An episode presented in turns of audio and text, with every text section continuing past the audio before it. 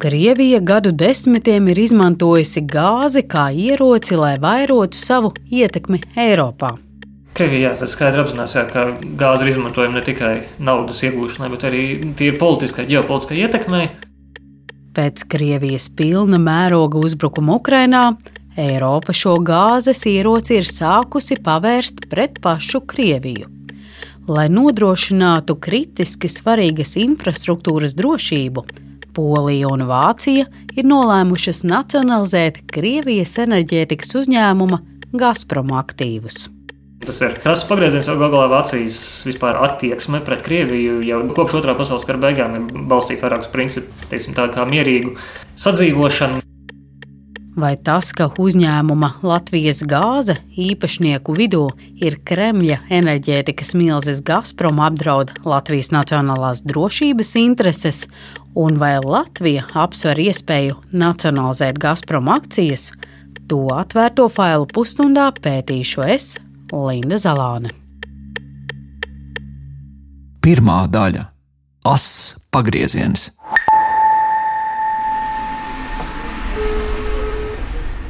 Darba dienas rītā pie kādas ēkas Rīgas centrā zvanu pie ārdurvīm. Tur atrodas Austrum Eiropas politikas pētījuma centrs. Halo! Sveicināti, Mārci! Linda Zalāna no atvērtajiem failiem esmu. Tā ir nevalstiska organizācija, kas gadiem ilgi ir pētījusi Krievijas ārpolitiku un tās attiecības ar Latviju un pārējām Baltijas valstīm. Tur mani sagaida pētnieks Mārcis Balodis. Jā, darba pilns rokas, lai neteiktu vairāk, bet tajā pašā laikā arī no pētniecības viedokļa ļoti daudz materiālu būs arī nākotnē. Viņš pēta, kā Krievija laika gaitā ir centusies palielināt savu ietekmi Eiropas valstīs. Gāzei tur ir īpaša loma. Krievija jā, skaidri apzinās, jā, ka gāzi ir izmantojama ne tikai naudas iegūšanai, bet arī tīri politiskai, ģeopolitiskai ietekmei. Labākais piemērs tam ir Gazprom.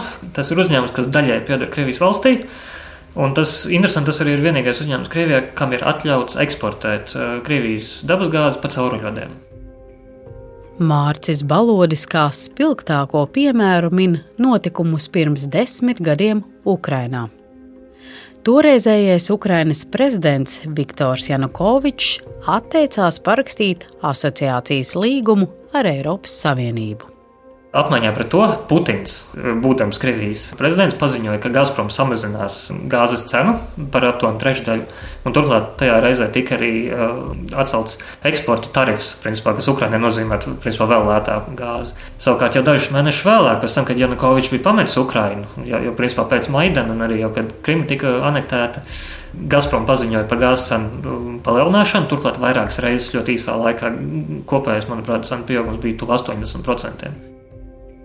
Tas bija kārtējais brīdinājuma signāls, ka Krievija gāzi kā politisko ieroci var pavērst arī pret Eiropu. Principā tas parādīja, nu, ka atkarība no Krievijas ir ārkārtīgi bīstama. Tā atkarība nav tikai finansiāla vai enerģētiska. Tas, tas ir jautājums par drošību, arī vispār Nord Stream projekts. Tas primāri ir ģeopolitisks projekts, un enerģētika šeit ir sekundāra. Tā peļņa, ko Gazprom caur to arī Krievijas valsts gūst, tas ir sekundāri.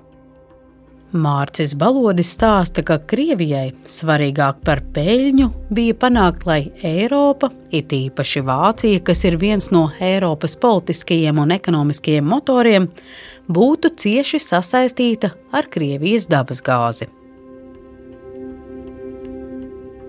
Pēc Krievijas pilna mēroga iebrukuma Ukrainā pagājušā gada 24. februārī Eiropa šo gāzes ieroci sāka pavērst pret pašu Krieviju.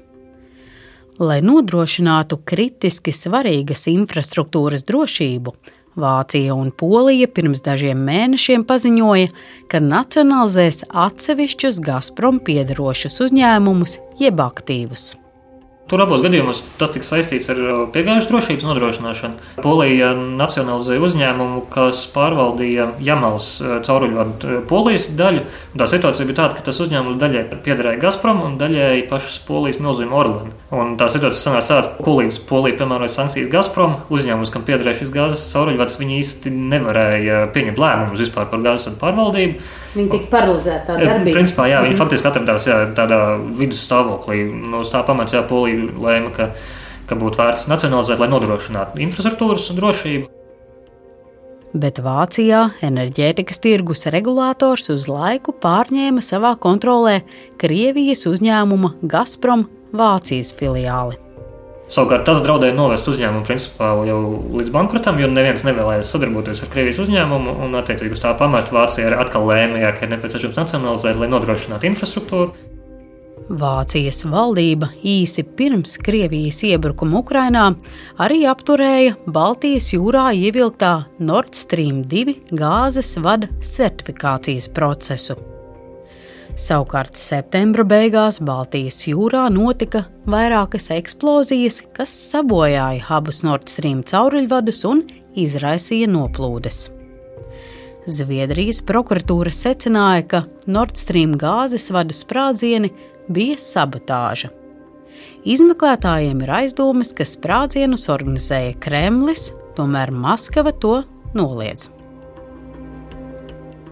Tas ir krāsas pagrieziens, jo galā Vācijas vispār attieksme pret Krieviju jau kopš otrā pasaules kara beigām ir balstīta vairāk uz principu, teiksim, tā kā mierīgu sadzīvošanu. Tāpēc, ja kāda Vācijas atteikšanās no Krievijas resursiem un arī attiecībā uz Nord Stream, tad Vācijā tā ir ļoti liela uzdrošināšanās un arī ļoti liela vispār politiska pārmaiņa, jo galā Vācijā vesels paudzes ir uzaugušas ar apziņu, ka ar Krieviju jāizturas draudzīgi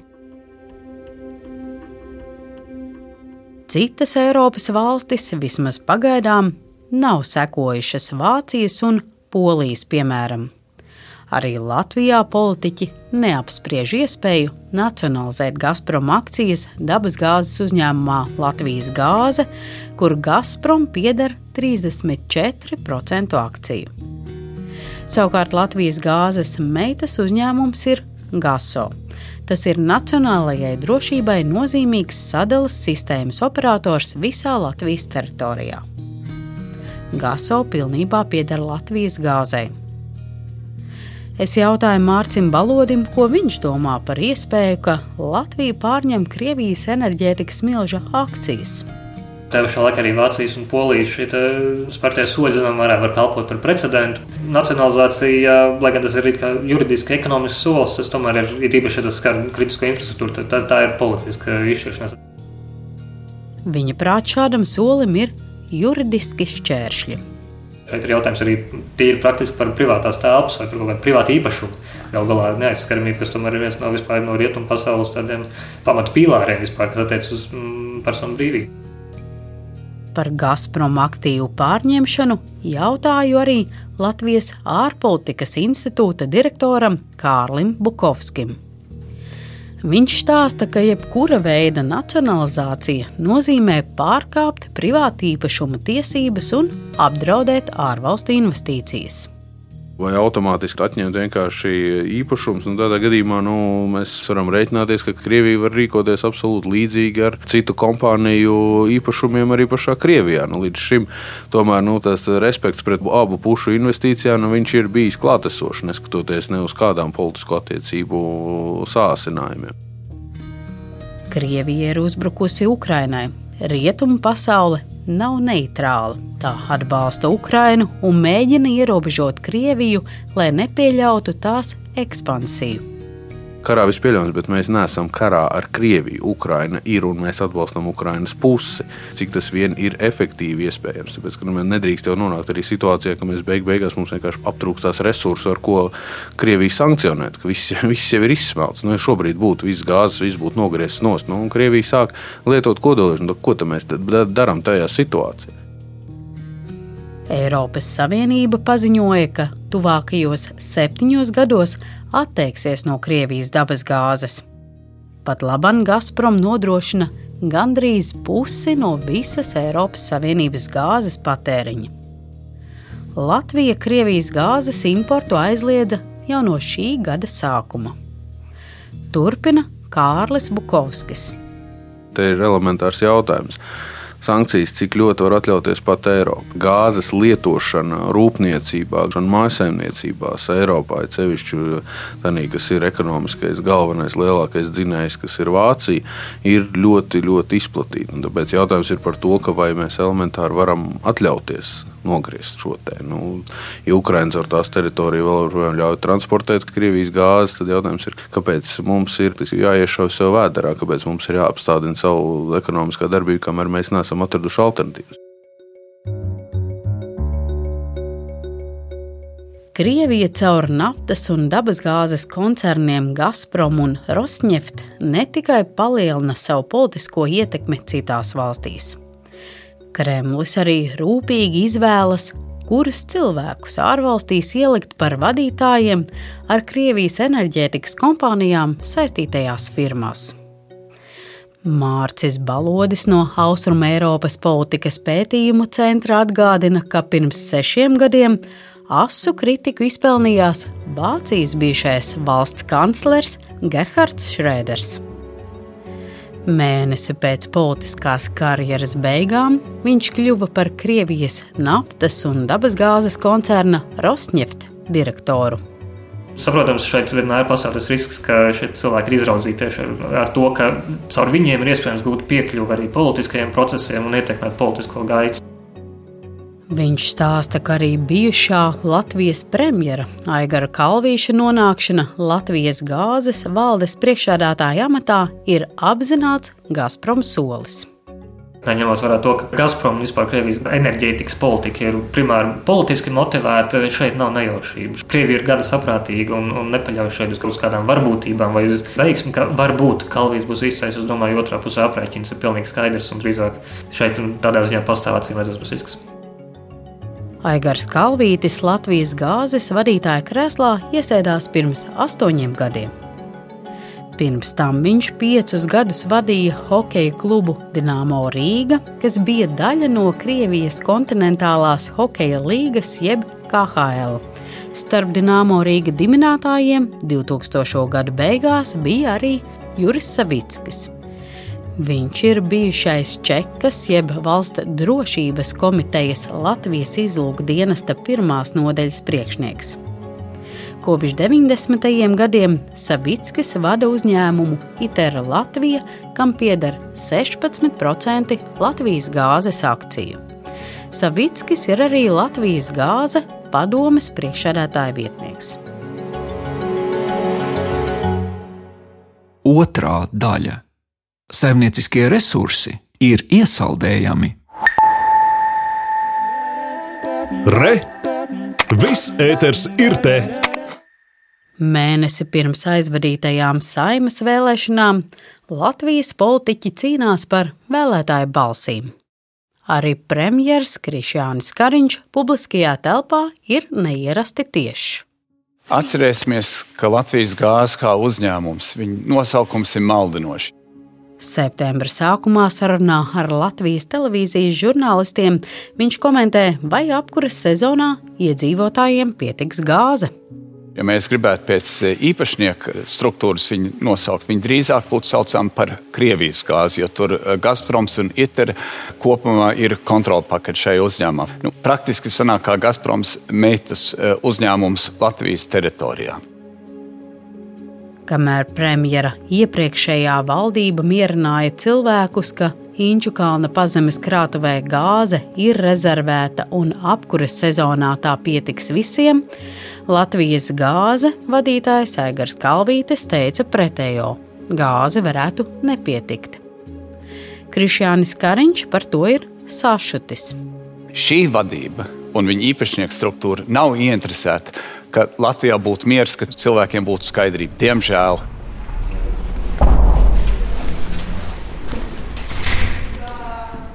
Vai Latvijas gāze, kas pēc premjera Krišjāņa Kariņa teiktā strādā pretēji Latvijas interesēm, mūsu valstī ir pakļauta kādām sankcijām?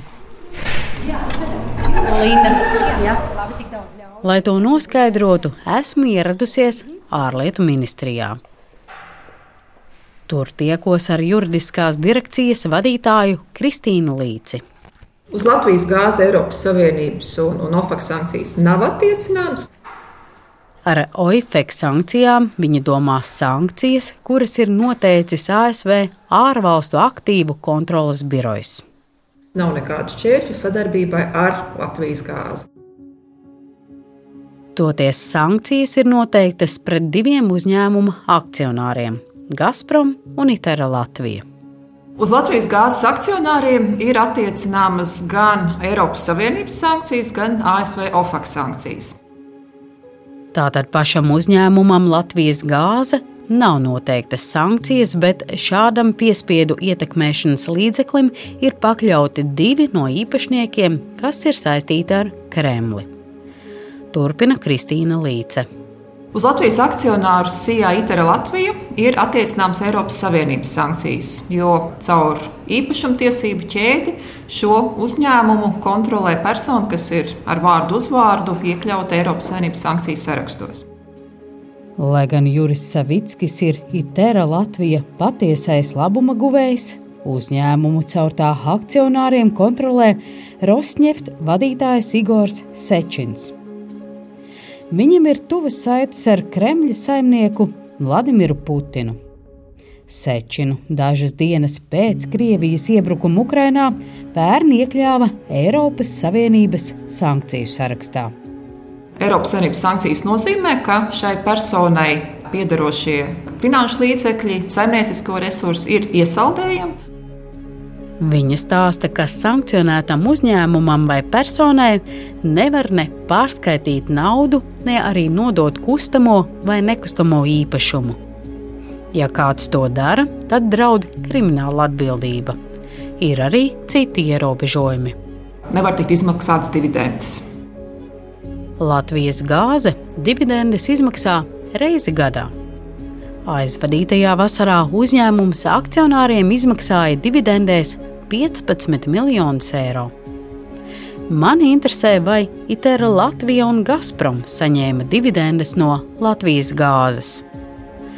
Finanšu un kapitāla tirgus komisijā noskaidroju, ka neviena Latvijas kredītiestāde pagājušajā vasarā tajā nav vērsusies ar lūgumu izsniegt atļauju šādu maksājumu veikšanai. Otrs Latvijas gāze akcionārs Gazprom ir iekļauts ASV valsts kases ārvalstu aktīvu kontrolas biroja jeb OIFEK sankciju sarakstā. Tā kā Eiropas Savienības individuālās sankcijas nedarbojas, tad visi Gazprom resursi, kas ir Latvijā, nav jāiesaldē. Trešā daļa - likuma interpretācija.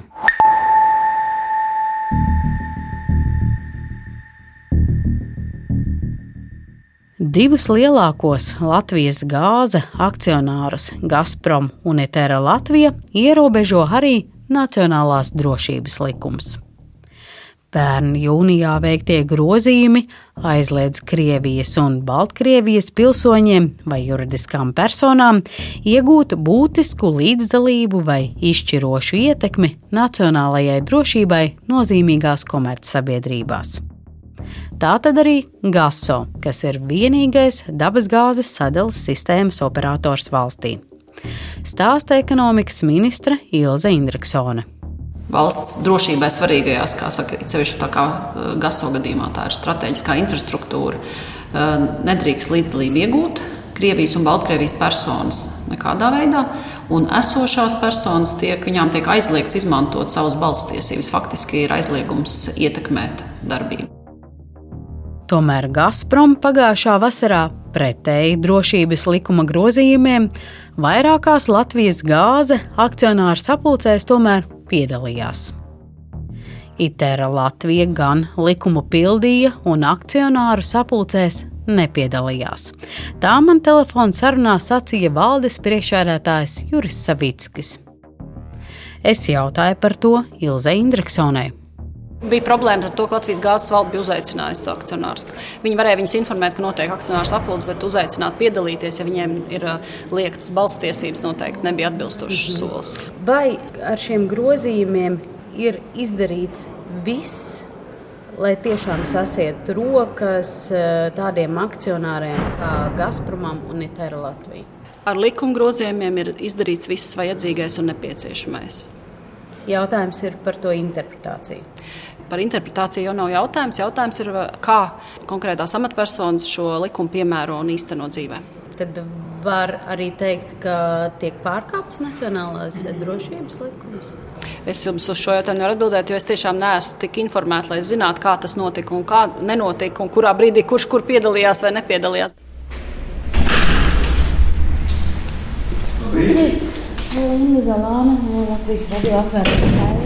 Latvijas gāze akcionāru sapulcēs pieņem lēmumus arī par meitas uzņēmumu GASO. Tā kā valstī pieder apmēram 100 Latvijas gāze akciju, tad uzņēmuma akcionāru sapulcēs var piedalīties arī ekonomikas ministrijas valsts sekretārs Edmunds Valantis. Šobrīd tad, notiek šī uzņēmuma tirzniecība. Pēc šīm akcionāru sanāksmēm vairāk akcionāru sanāksmes mums nav notikušas. Viņš stāsta, ka Latvijas gāzes akcionāri lēmuši arī reorganizācijas ceļā Latvijas gāzei piederošās GASO akcijas nodot jaundibināmai kompānijai. Tas nozīmē, ka pašreizējā Latvijas gāzes akcionāru proporcija saglabāsies arī jaundibināmajā uzņēmumā, kas pārņems GASO akcijas. Līdz ar to viņš nebūtu, nu, tā, kā simtprocentīgs nu, meitas uzņēmums. Nu, līdz ar to viņi būtu nodalīti, un tad brīdī vairāk arī teiksim, tā, tas uh, likums un tie ierobežojumi akcionāriem piedalīties Latvijas gāzes saimnieciskos jautājumos arī atkristu. Savukārt GASO pircējiem būs jāsaņem valdības atļauja iegūt līdzdalību jaunajā uzņēmumā. Turpina ekonomikas ministre Ilza Indriksone tiks vērtēti visi drošības aspekti, drošības iestāžu atzinumi, un ministra kabinets šo atļauju piešķirs tikai uzticamam, caurspīdīgam, zināmam saka, īpašniekam. Savu atzinumu atbilstoši kompetencei sniegs valsts drošības dienests. Tas rakstiskā atbildē man informēja, ka dienests seko līdzi, kādā mērā norises enerģētikas jomā ietekmē Latvijas valsts nacionālās un ekonomiskās drošības intereses. Šim procesam jānorit atbilstoši nacionālajai un starptautiskajai tiesību praksē. Valsts drošības dienas skatījumā pašreizējos ģeopolitiskajos apstākļos aktuāls ir jautājums par dabasgāzes tirdzniecības uzņēmuma Latvijas gāze meitas uzņēmuma GASO turpmāko statusu un īpašnieku struktūru. Jo minētais uzņēmums pārvalda Latvijas valsts interesēm nozīmīgo dabasgāzes sadales infrastruktūru. Valsts drošības dienas regulāri informē valsts augstākās amatpersonas par dienesta identificētiem riskiem un citiem ar Latvijas nacionālās drošības interesēm saistītiem jautājumiem. Ceturtā daļa - Liekas smagums. Uzņēmumu GASO izveidoja pirms sešiem gadiem, kad to nodalīja no Latvijas gāzes sadales sistēmas funkcijas. Jau kopš dibināšanas GASO strādā saskaņā ar speciālajām neatkarīgām prasībām, kas ir noteiktas enerģētikas likumā. Lai jautātu par GASO pārdošanu, uzrunāju intervijai uzņēmuma vadītāju Ilzi Petersoni Godmani. Tomēr viņa atteicās, un GASO sabiedrisko attiecību darbiniece Jana Rubinčika pa telefonu man sacīja šādi. Mums vēl nav ko komentēt, nav ko teikt. Nu, mēs vienkārši gaidīšanas režīmā, bet turpinam strādāt un turpināsim arī. Jā. Mēs atbildam tikai par tehniskām lietām, un tās tehniskas lietas nemainās. Vienīgā funkcija, lai nogādātu gāzi droši līdz patērētājiem, kvalitatīvi, bez noplūdēm, bez avārijām. Nu, to mēs arī darām. No intervijas centās izvairīties arī Latvijas gāze vadītājs Aigars Kalvītis, tomēr man izdevās viņu satikt. Līna Zalāna no atvērtiem failiem. Pavadīšu jūs lejā pāris jautājumus, varbūt mēs varam aprunāties. Es Kalvītim jautāju, kā veicas ar gaso pārdošanu. Tā ir konfidenciāla informācija visiem dalībniekiem, kas tajā piedalās un noslēgta līguma par informācijas neizpaušanu.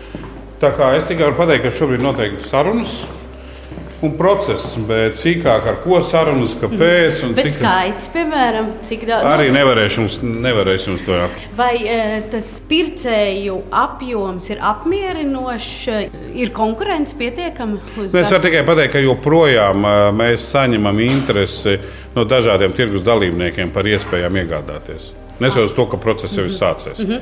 Plāns, kad gaso varētu tikt pārdot vai tikt pie jauna īpašnieka? Es gribētu teikt, ka tam vajadzētu būt notikt pārskatāmā periodā, pusgadu laikā. Ko viņš domā par Vācijas un Polijas lēmumu pārņemt Gazprom akcijas, vai Latvijai vajadzētu rīkoties tāpat? Es šo nevaru komentēt. Nu, katrai valdībai ir kaut kādi mērķi, un acīm redzot, kāda enerģijas drošības apgādes jautājuma, kaut kādi iemesli, kāpēc kāds pieņem kaut kādas lēmumus. Es nevaru to komentēt. Mm -hmm. Tas īstenībā neatiecās uz mūsu kompetenci. Tomēr Kalvītis nenoliedz, ka Latvijas gāzes akcionāru sastāvs šajā ģeopolitiskajā situācijā apgrūtina darbu. Bet nu, jāsaprot, ka akcionāra izvēle jau notika privatizācijas procesa laikā.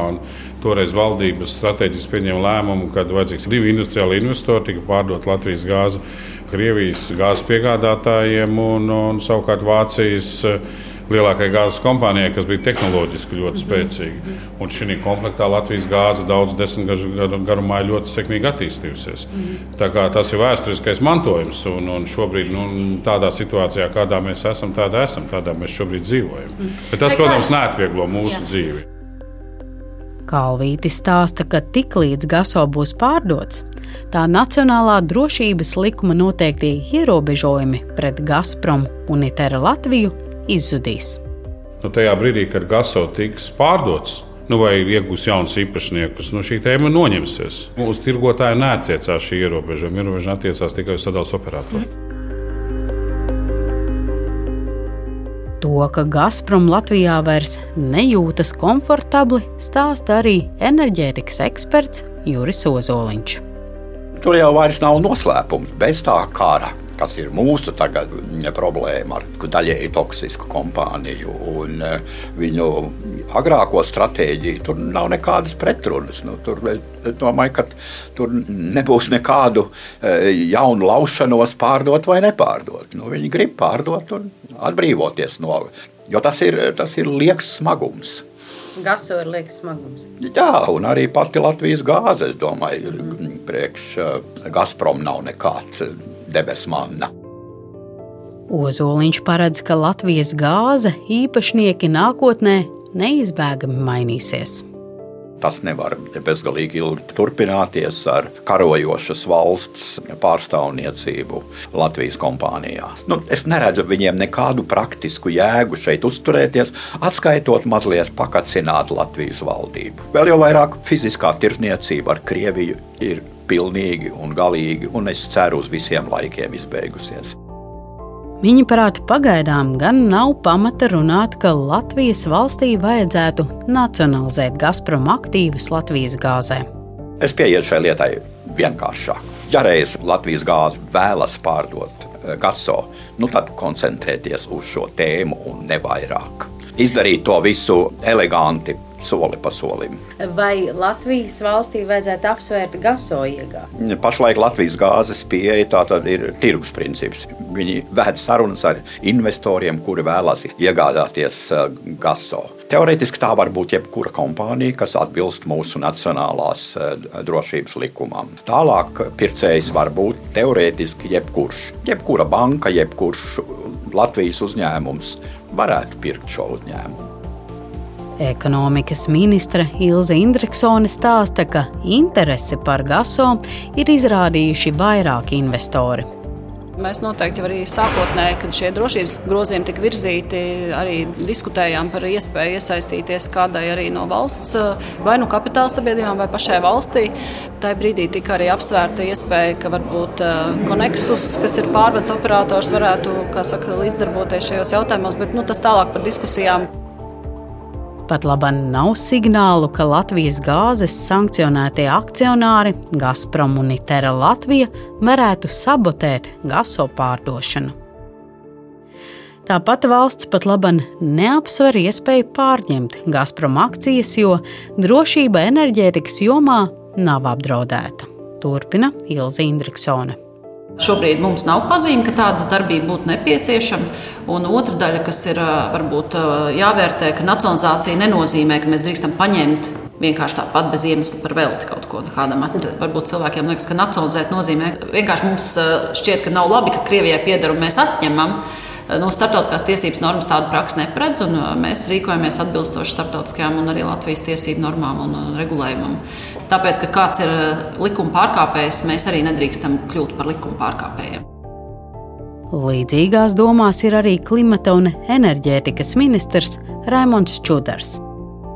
Viņš gan stāsta, ka Latvijas gāze vēl tikai līdz māja sākumam ir publiskais tirgotājs. Tas nozīmē, ka uzņēmumam ir īpaši pienākumi un prasības, kas jāizpilda. Pēc 1. māja mēs nonākam pilnībā brīva gāzes tirgus apstākļos, Un jau šobrīd ir iespējams gāzi iegādāties no citiem piegādātājiem. Tas nozīmē, ka pēc 1. māja šī situācija kļūst pavisam brīva. Paredzams, gāze. ka Latvijas gāzes nozīmīgums vai pat laba monopola, gan arī stāvoklis tirgū es, varētu mazināties. Nu, Pirmkārt, šajā gadījumā mēs saskaramies ar vēsturiski izveidojušos situāciju, ka Latvijas gāze, protams, ir mantinieca vēl vecai gāzes piegādes sistēmai, kur ir eksistējis desmit gadiem, un eh, ka viņas stāvoklis šobrīd vienkārši ir vēsturisku iemeslu dēļ tāds, kāds tas ir. Tas, protams, ņemot vērā atvērto tirgu, mazināsies, ņemot vērā konkurences eh, iespējas, kādas nu, jau šobrīd eksistē, bet tad kļūs vēl izteiktākas. Raidījumu veidoja Linda Zalāne, Jēdards Dželzis un Reinis Budze atvērt file.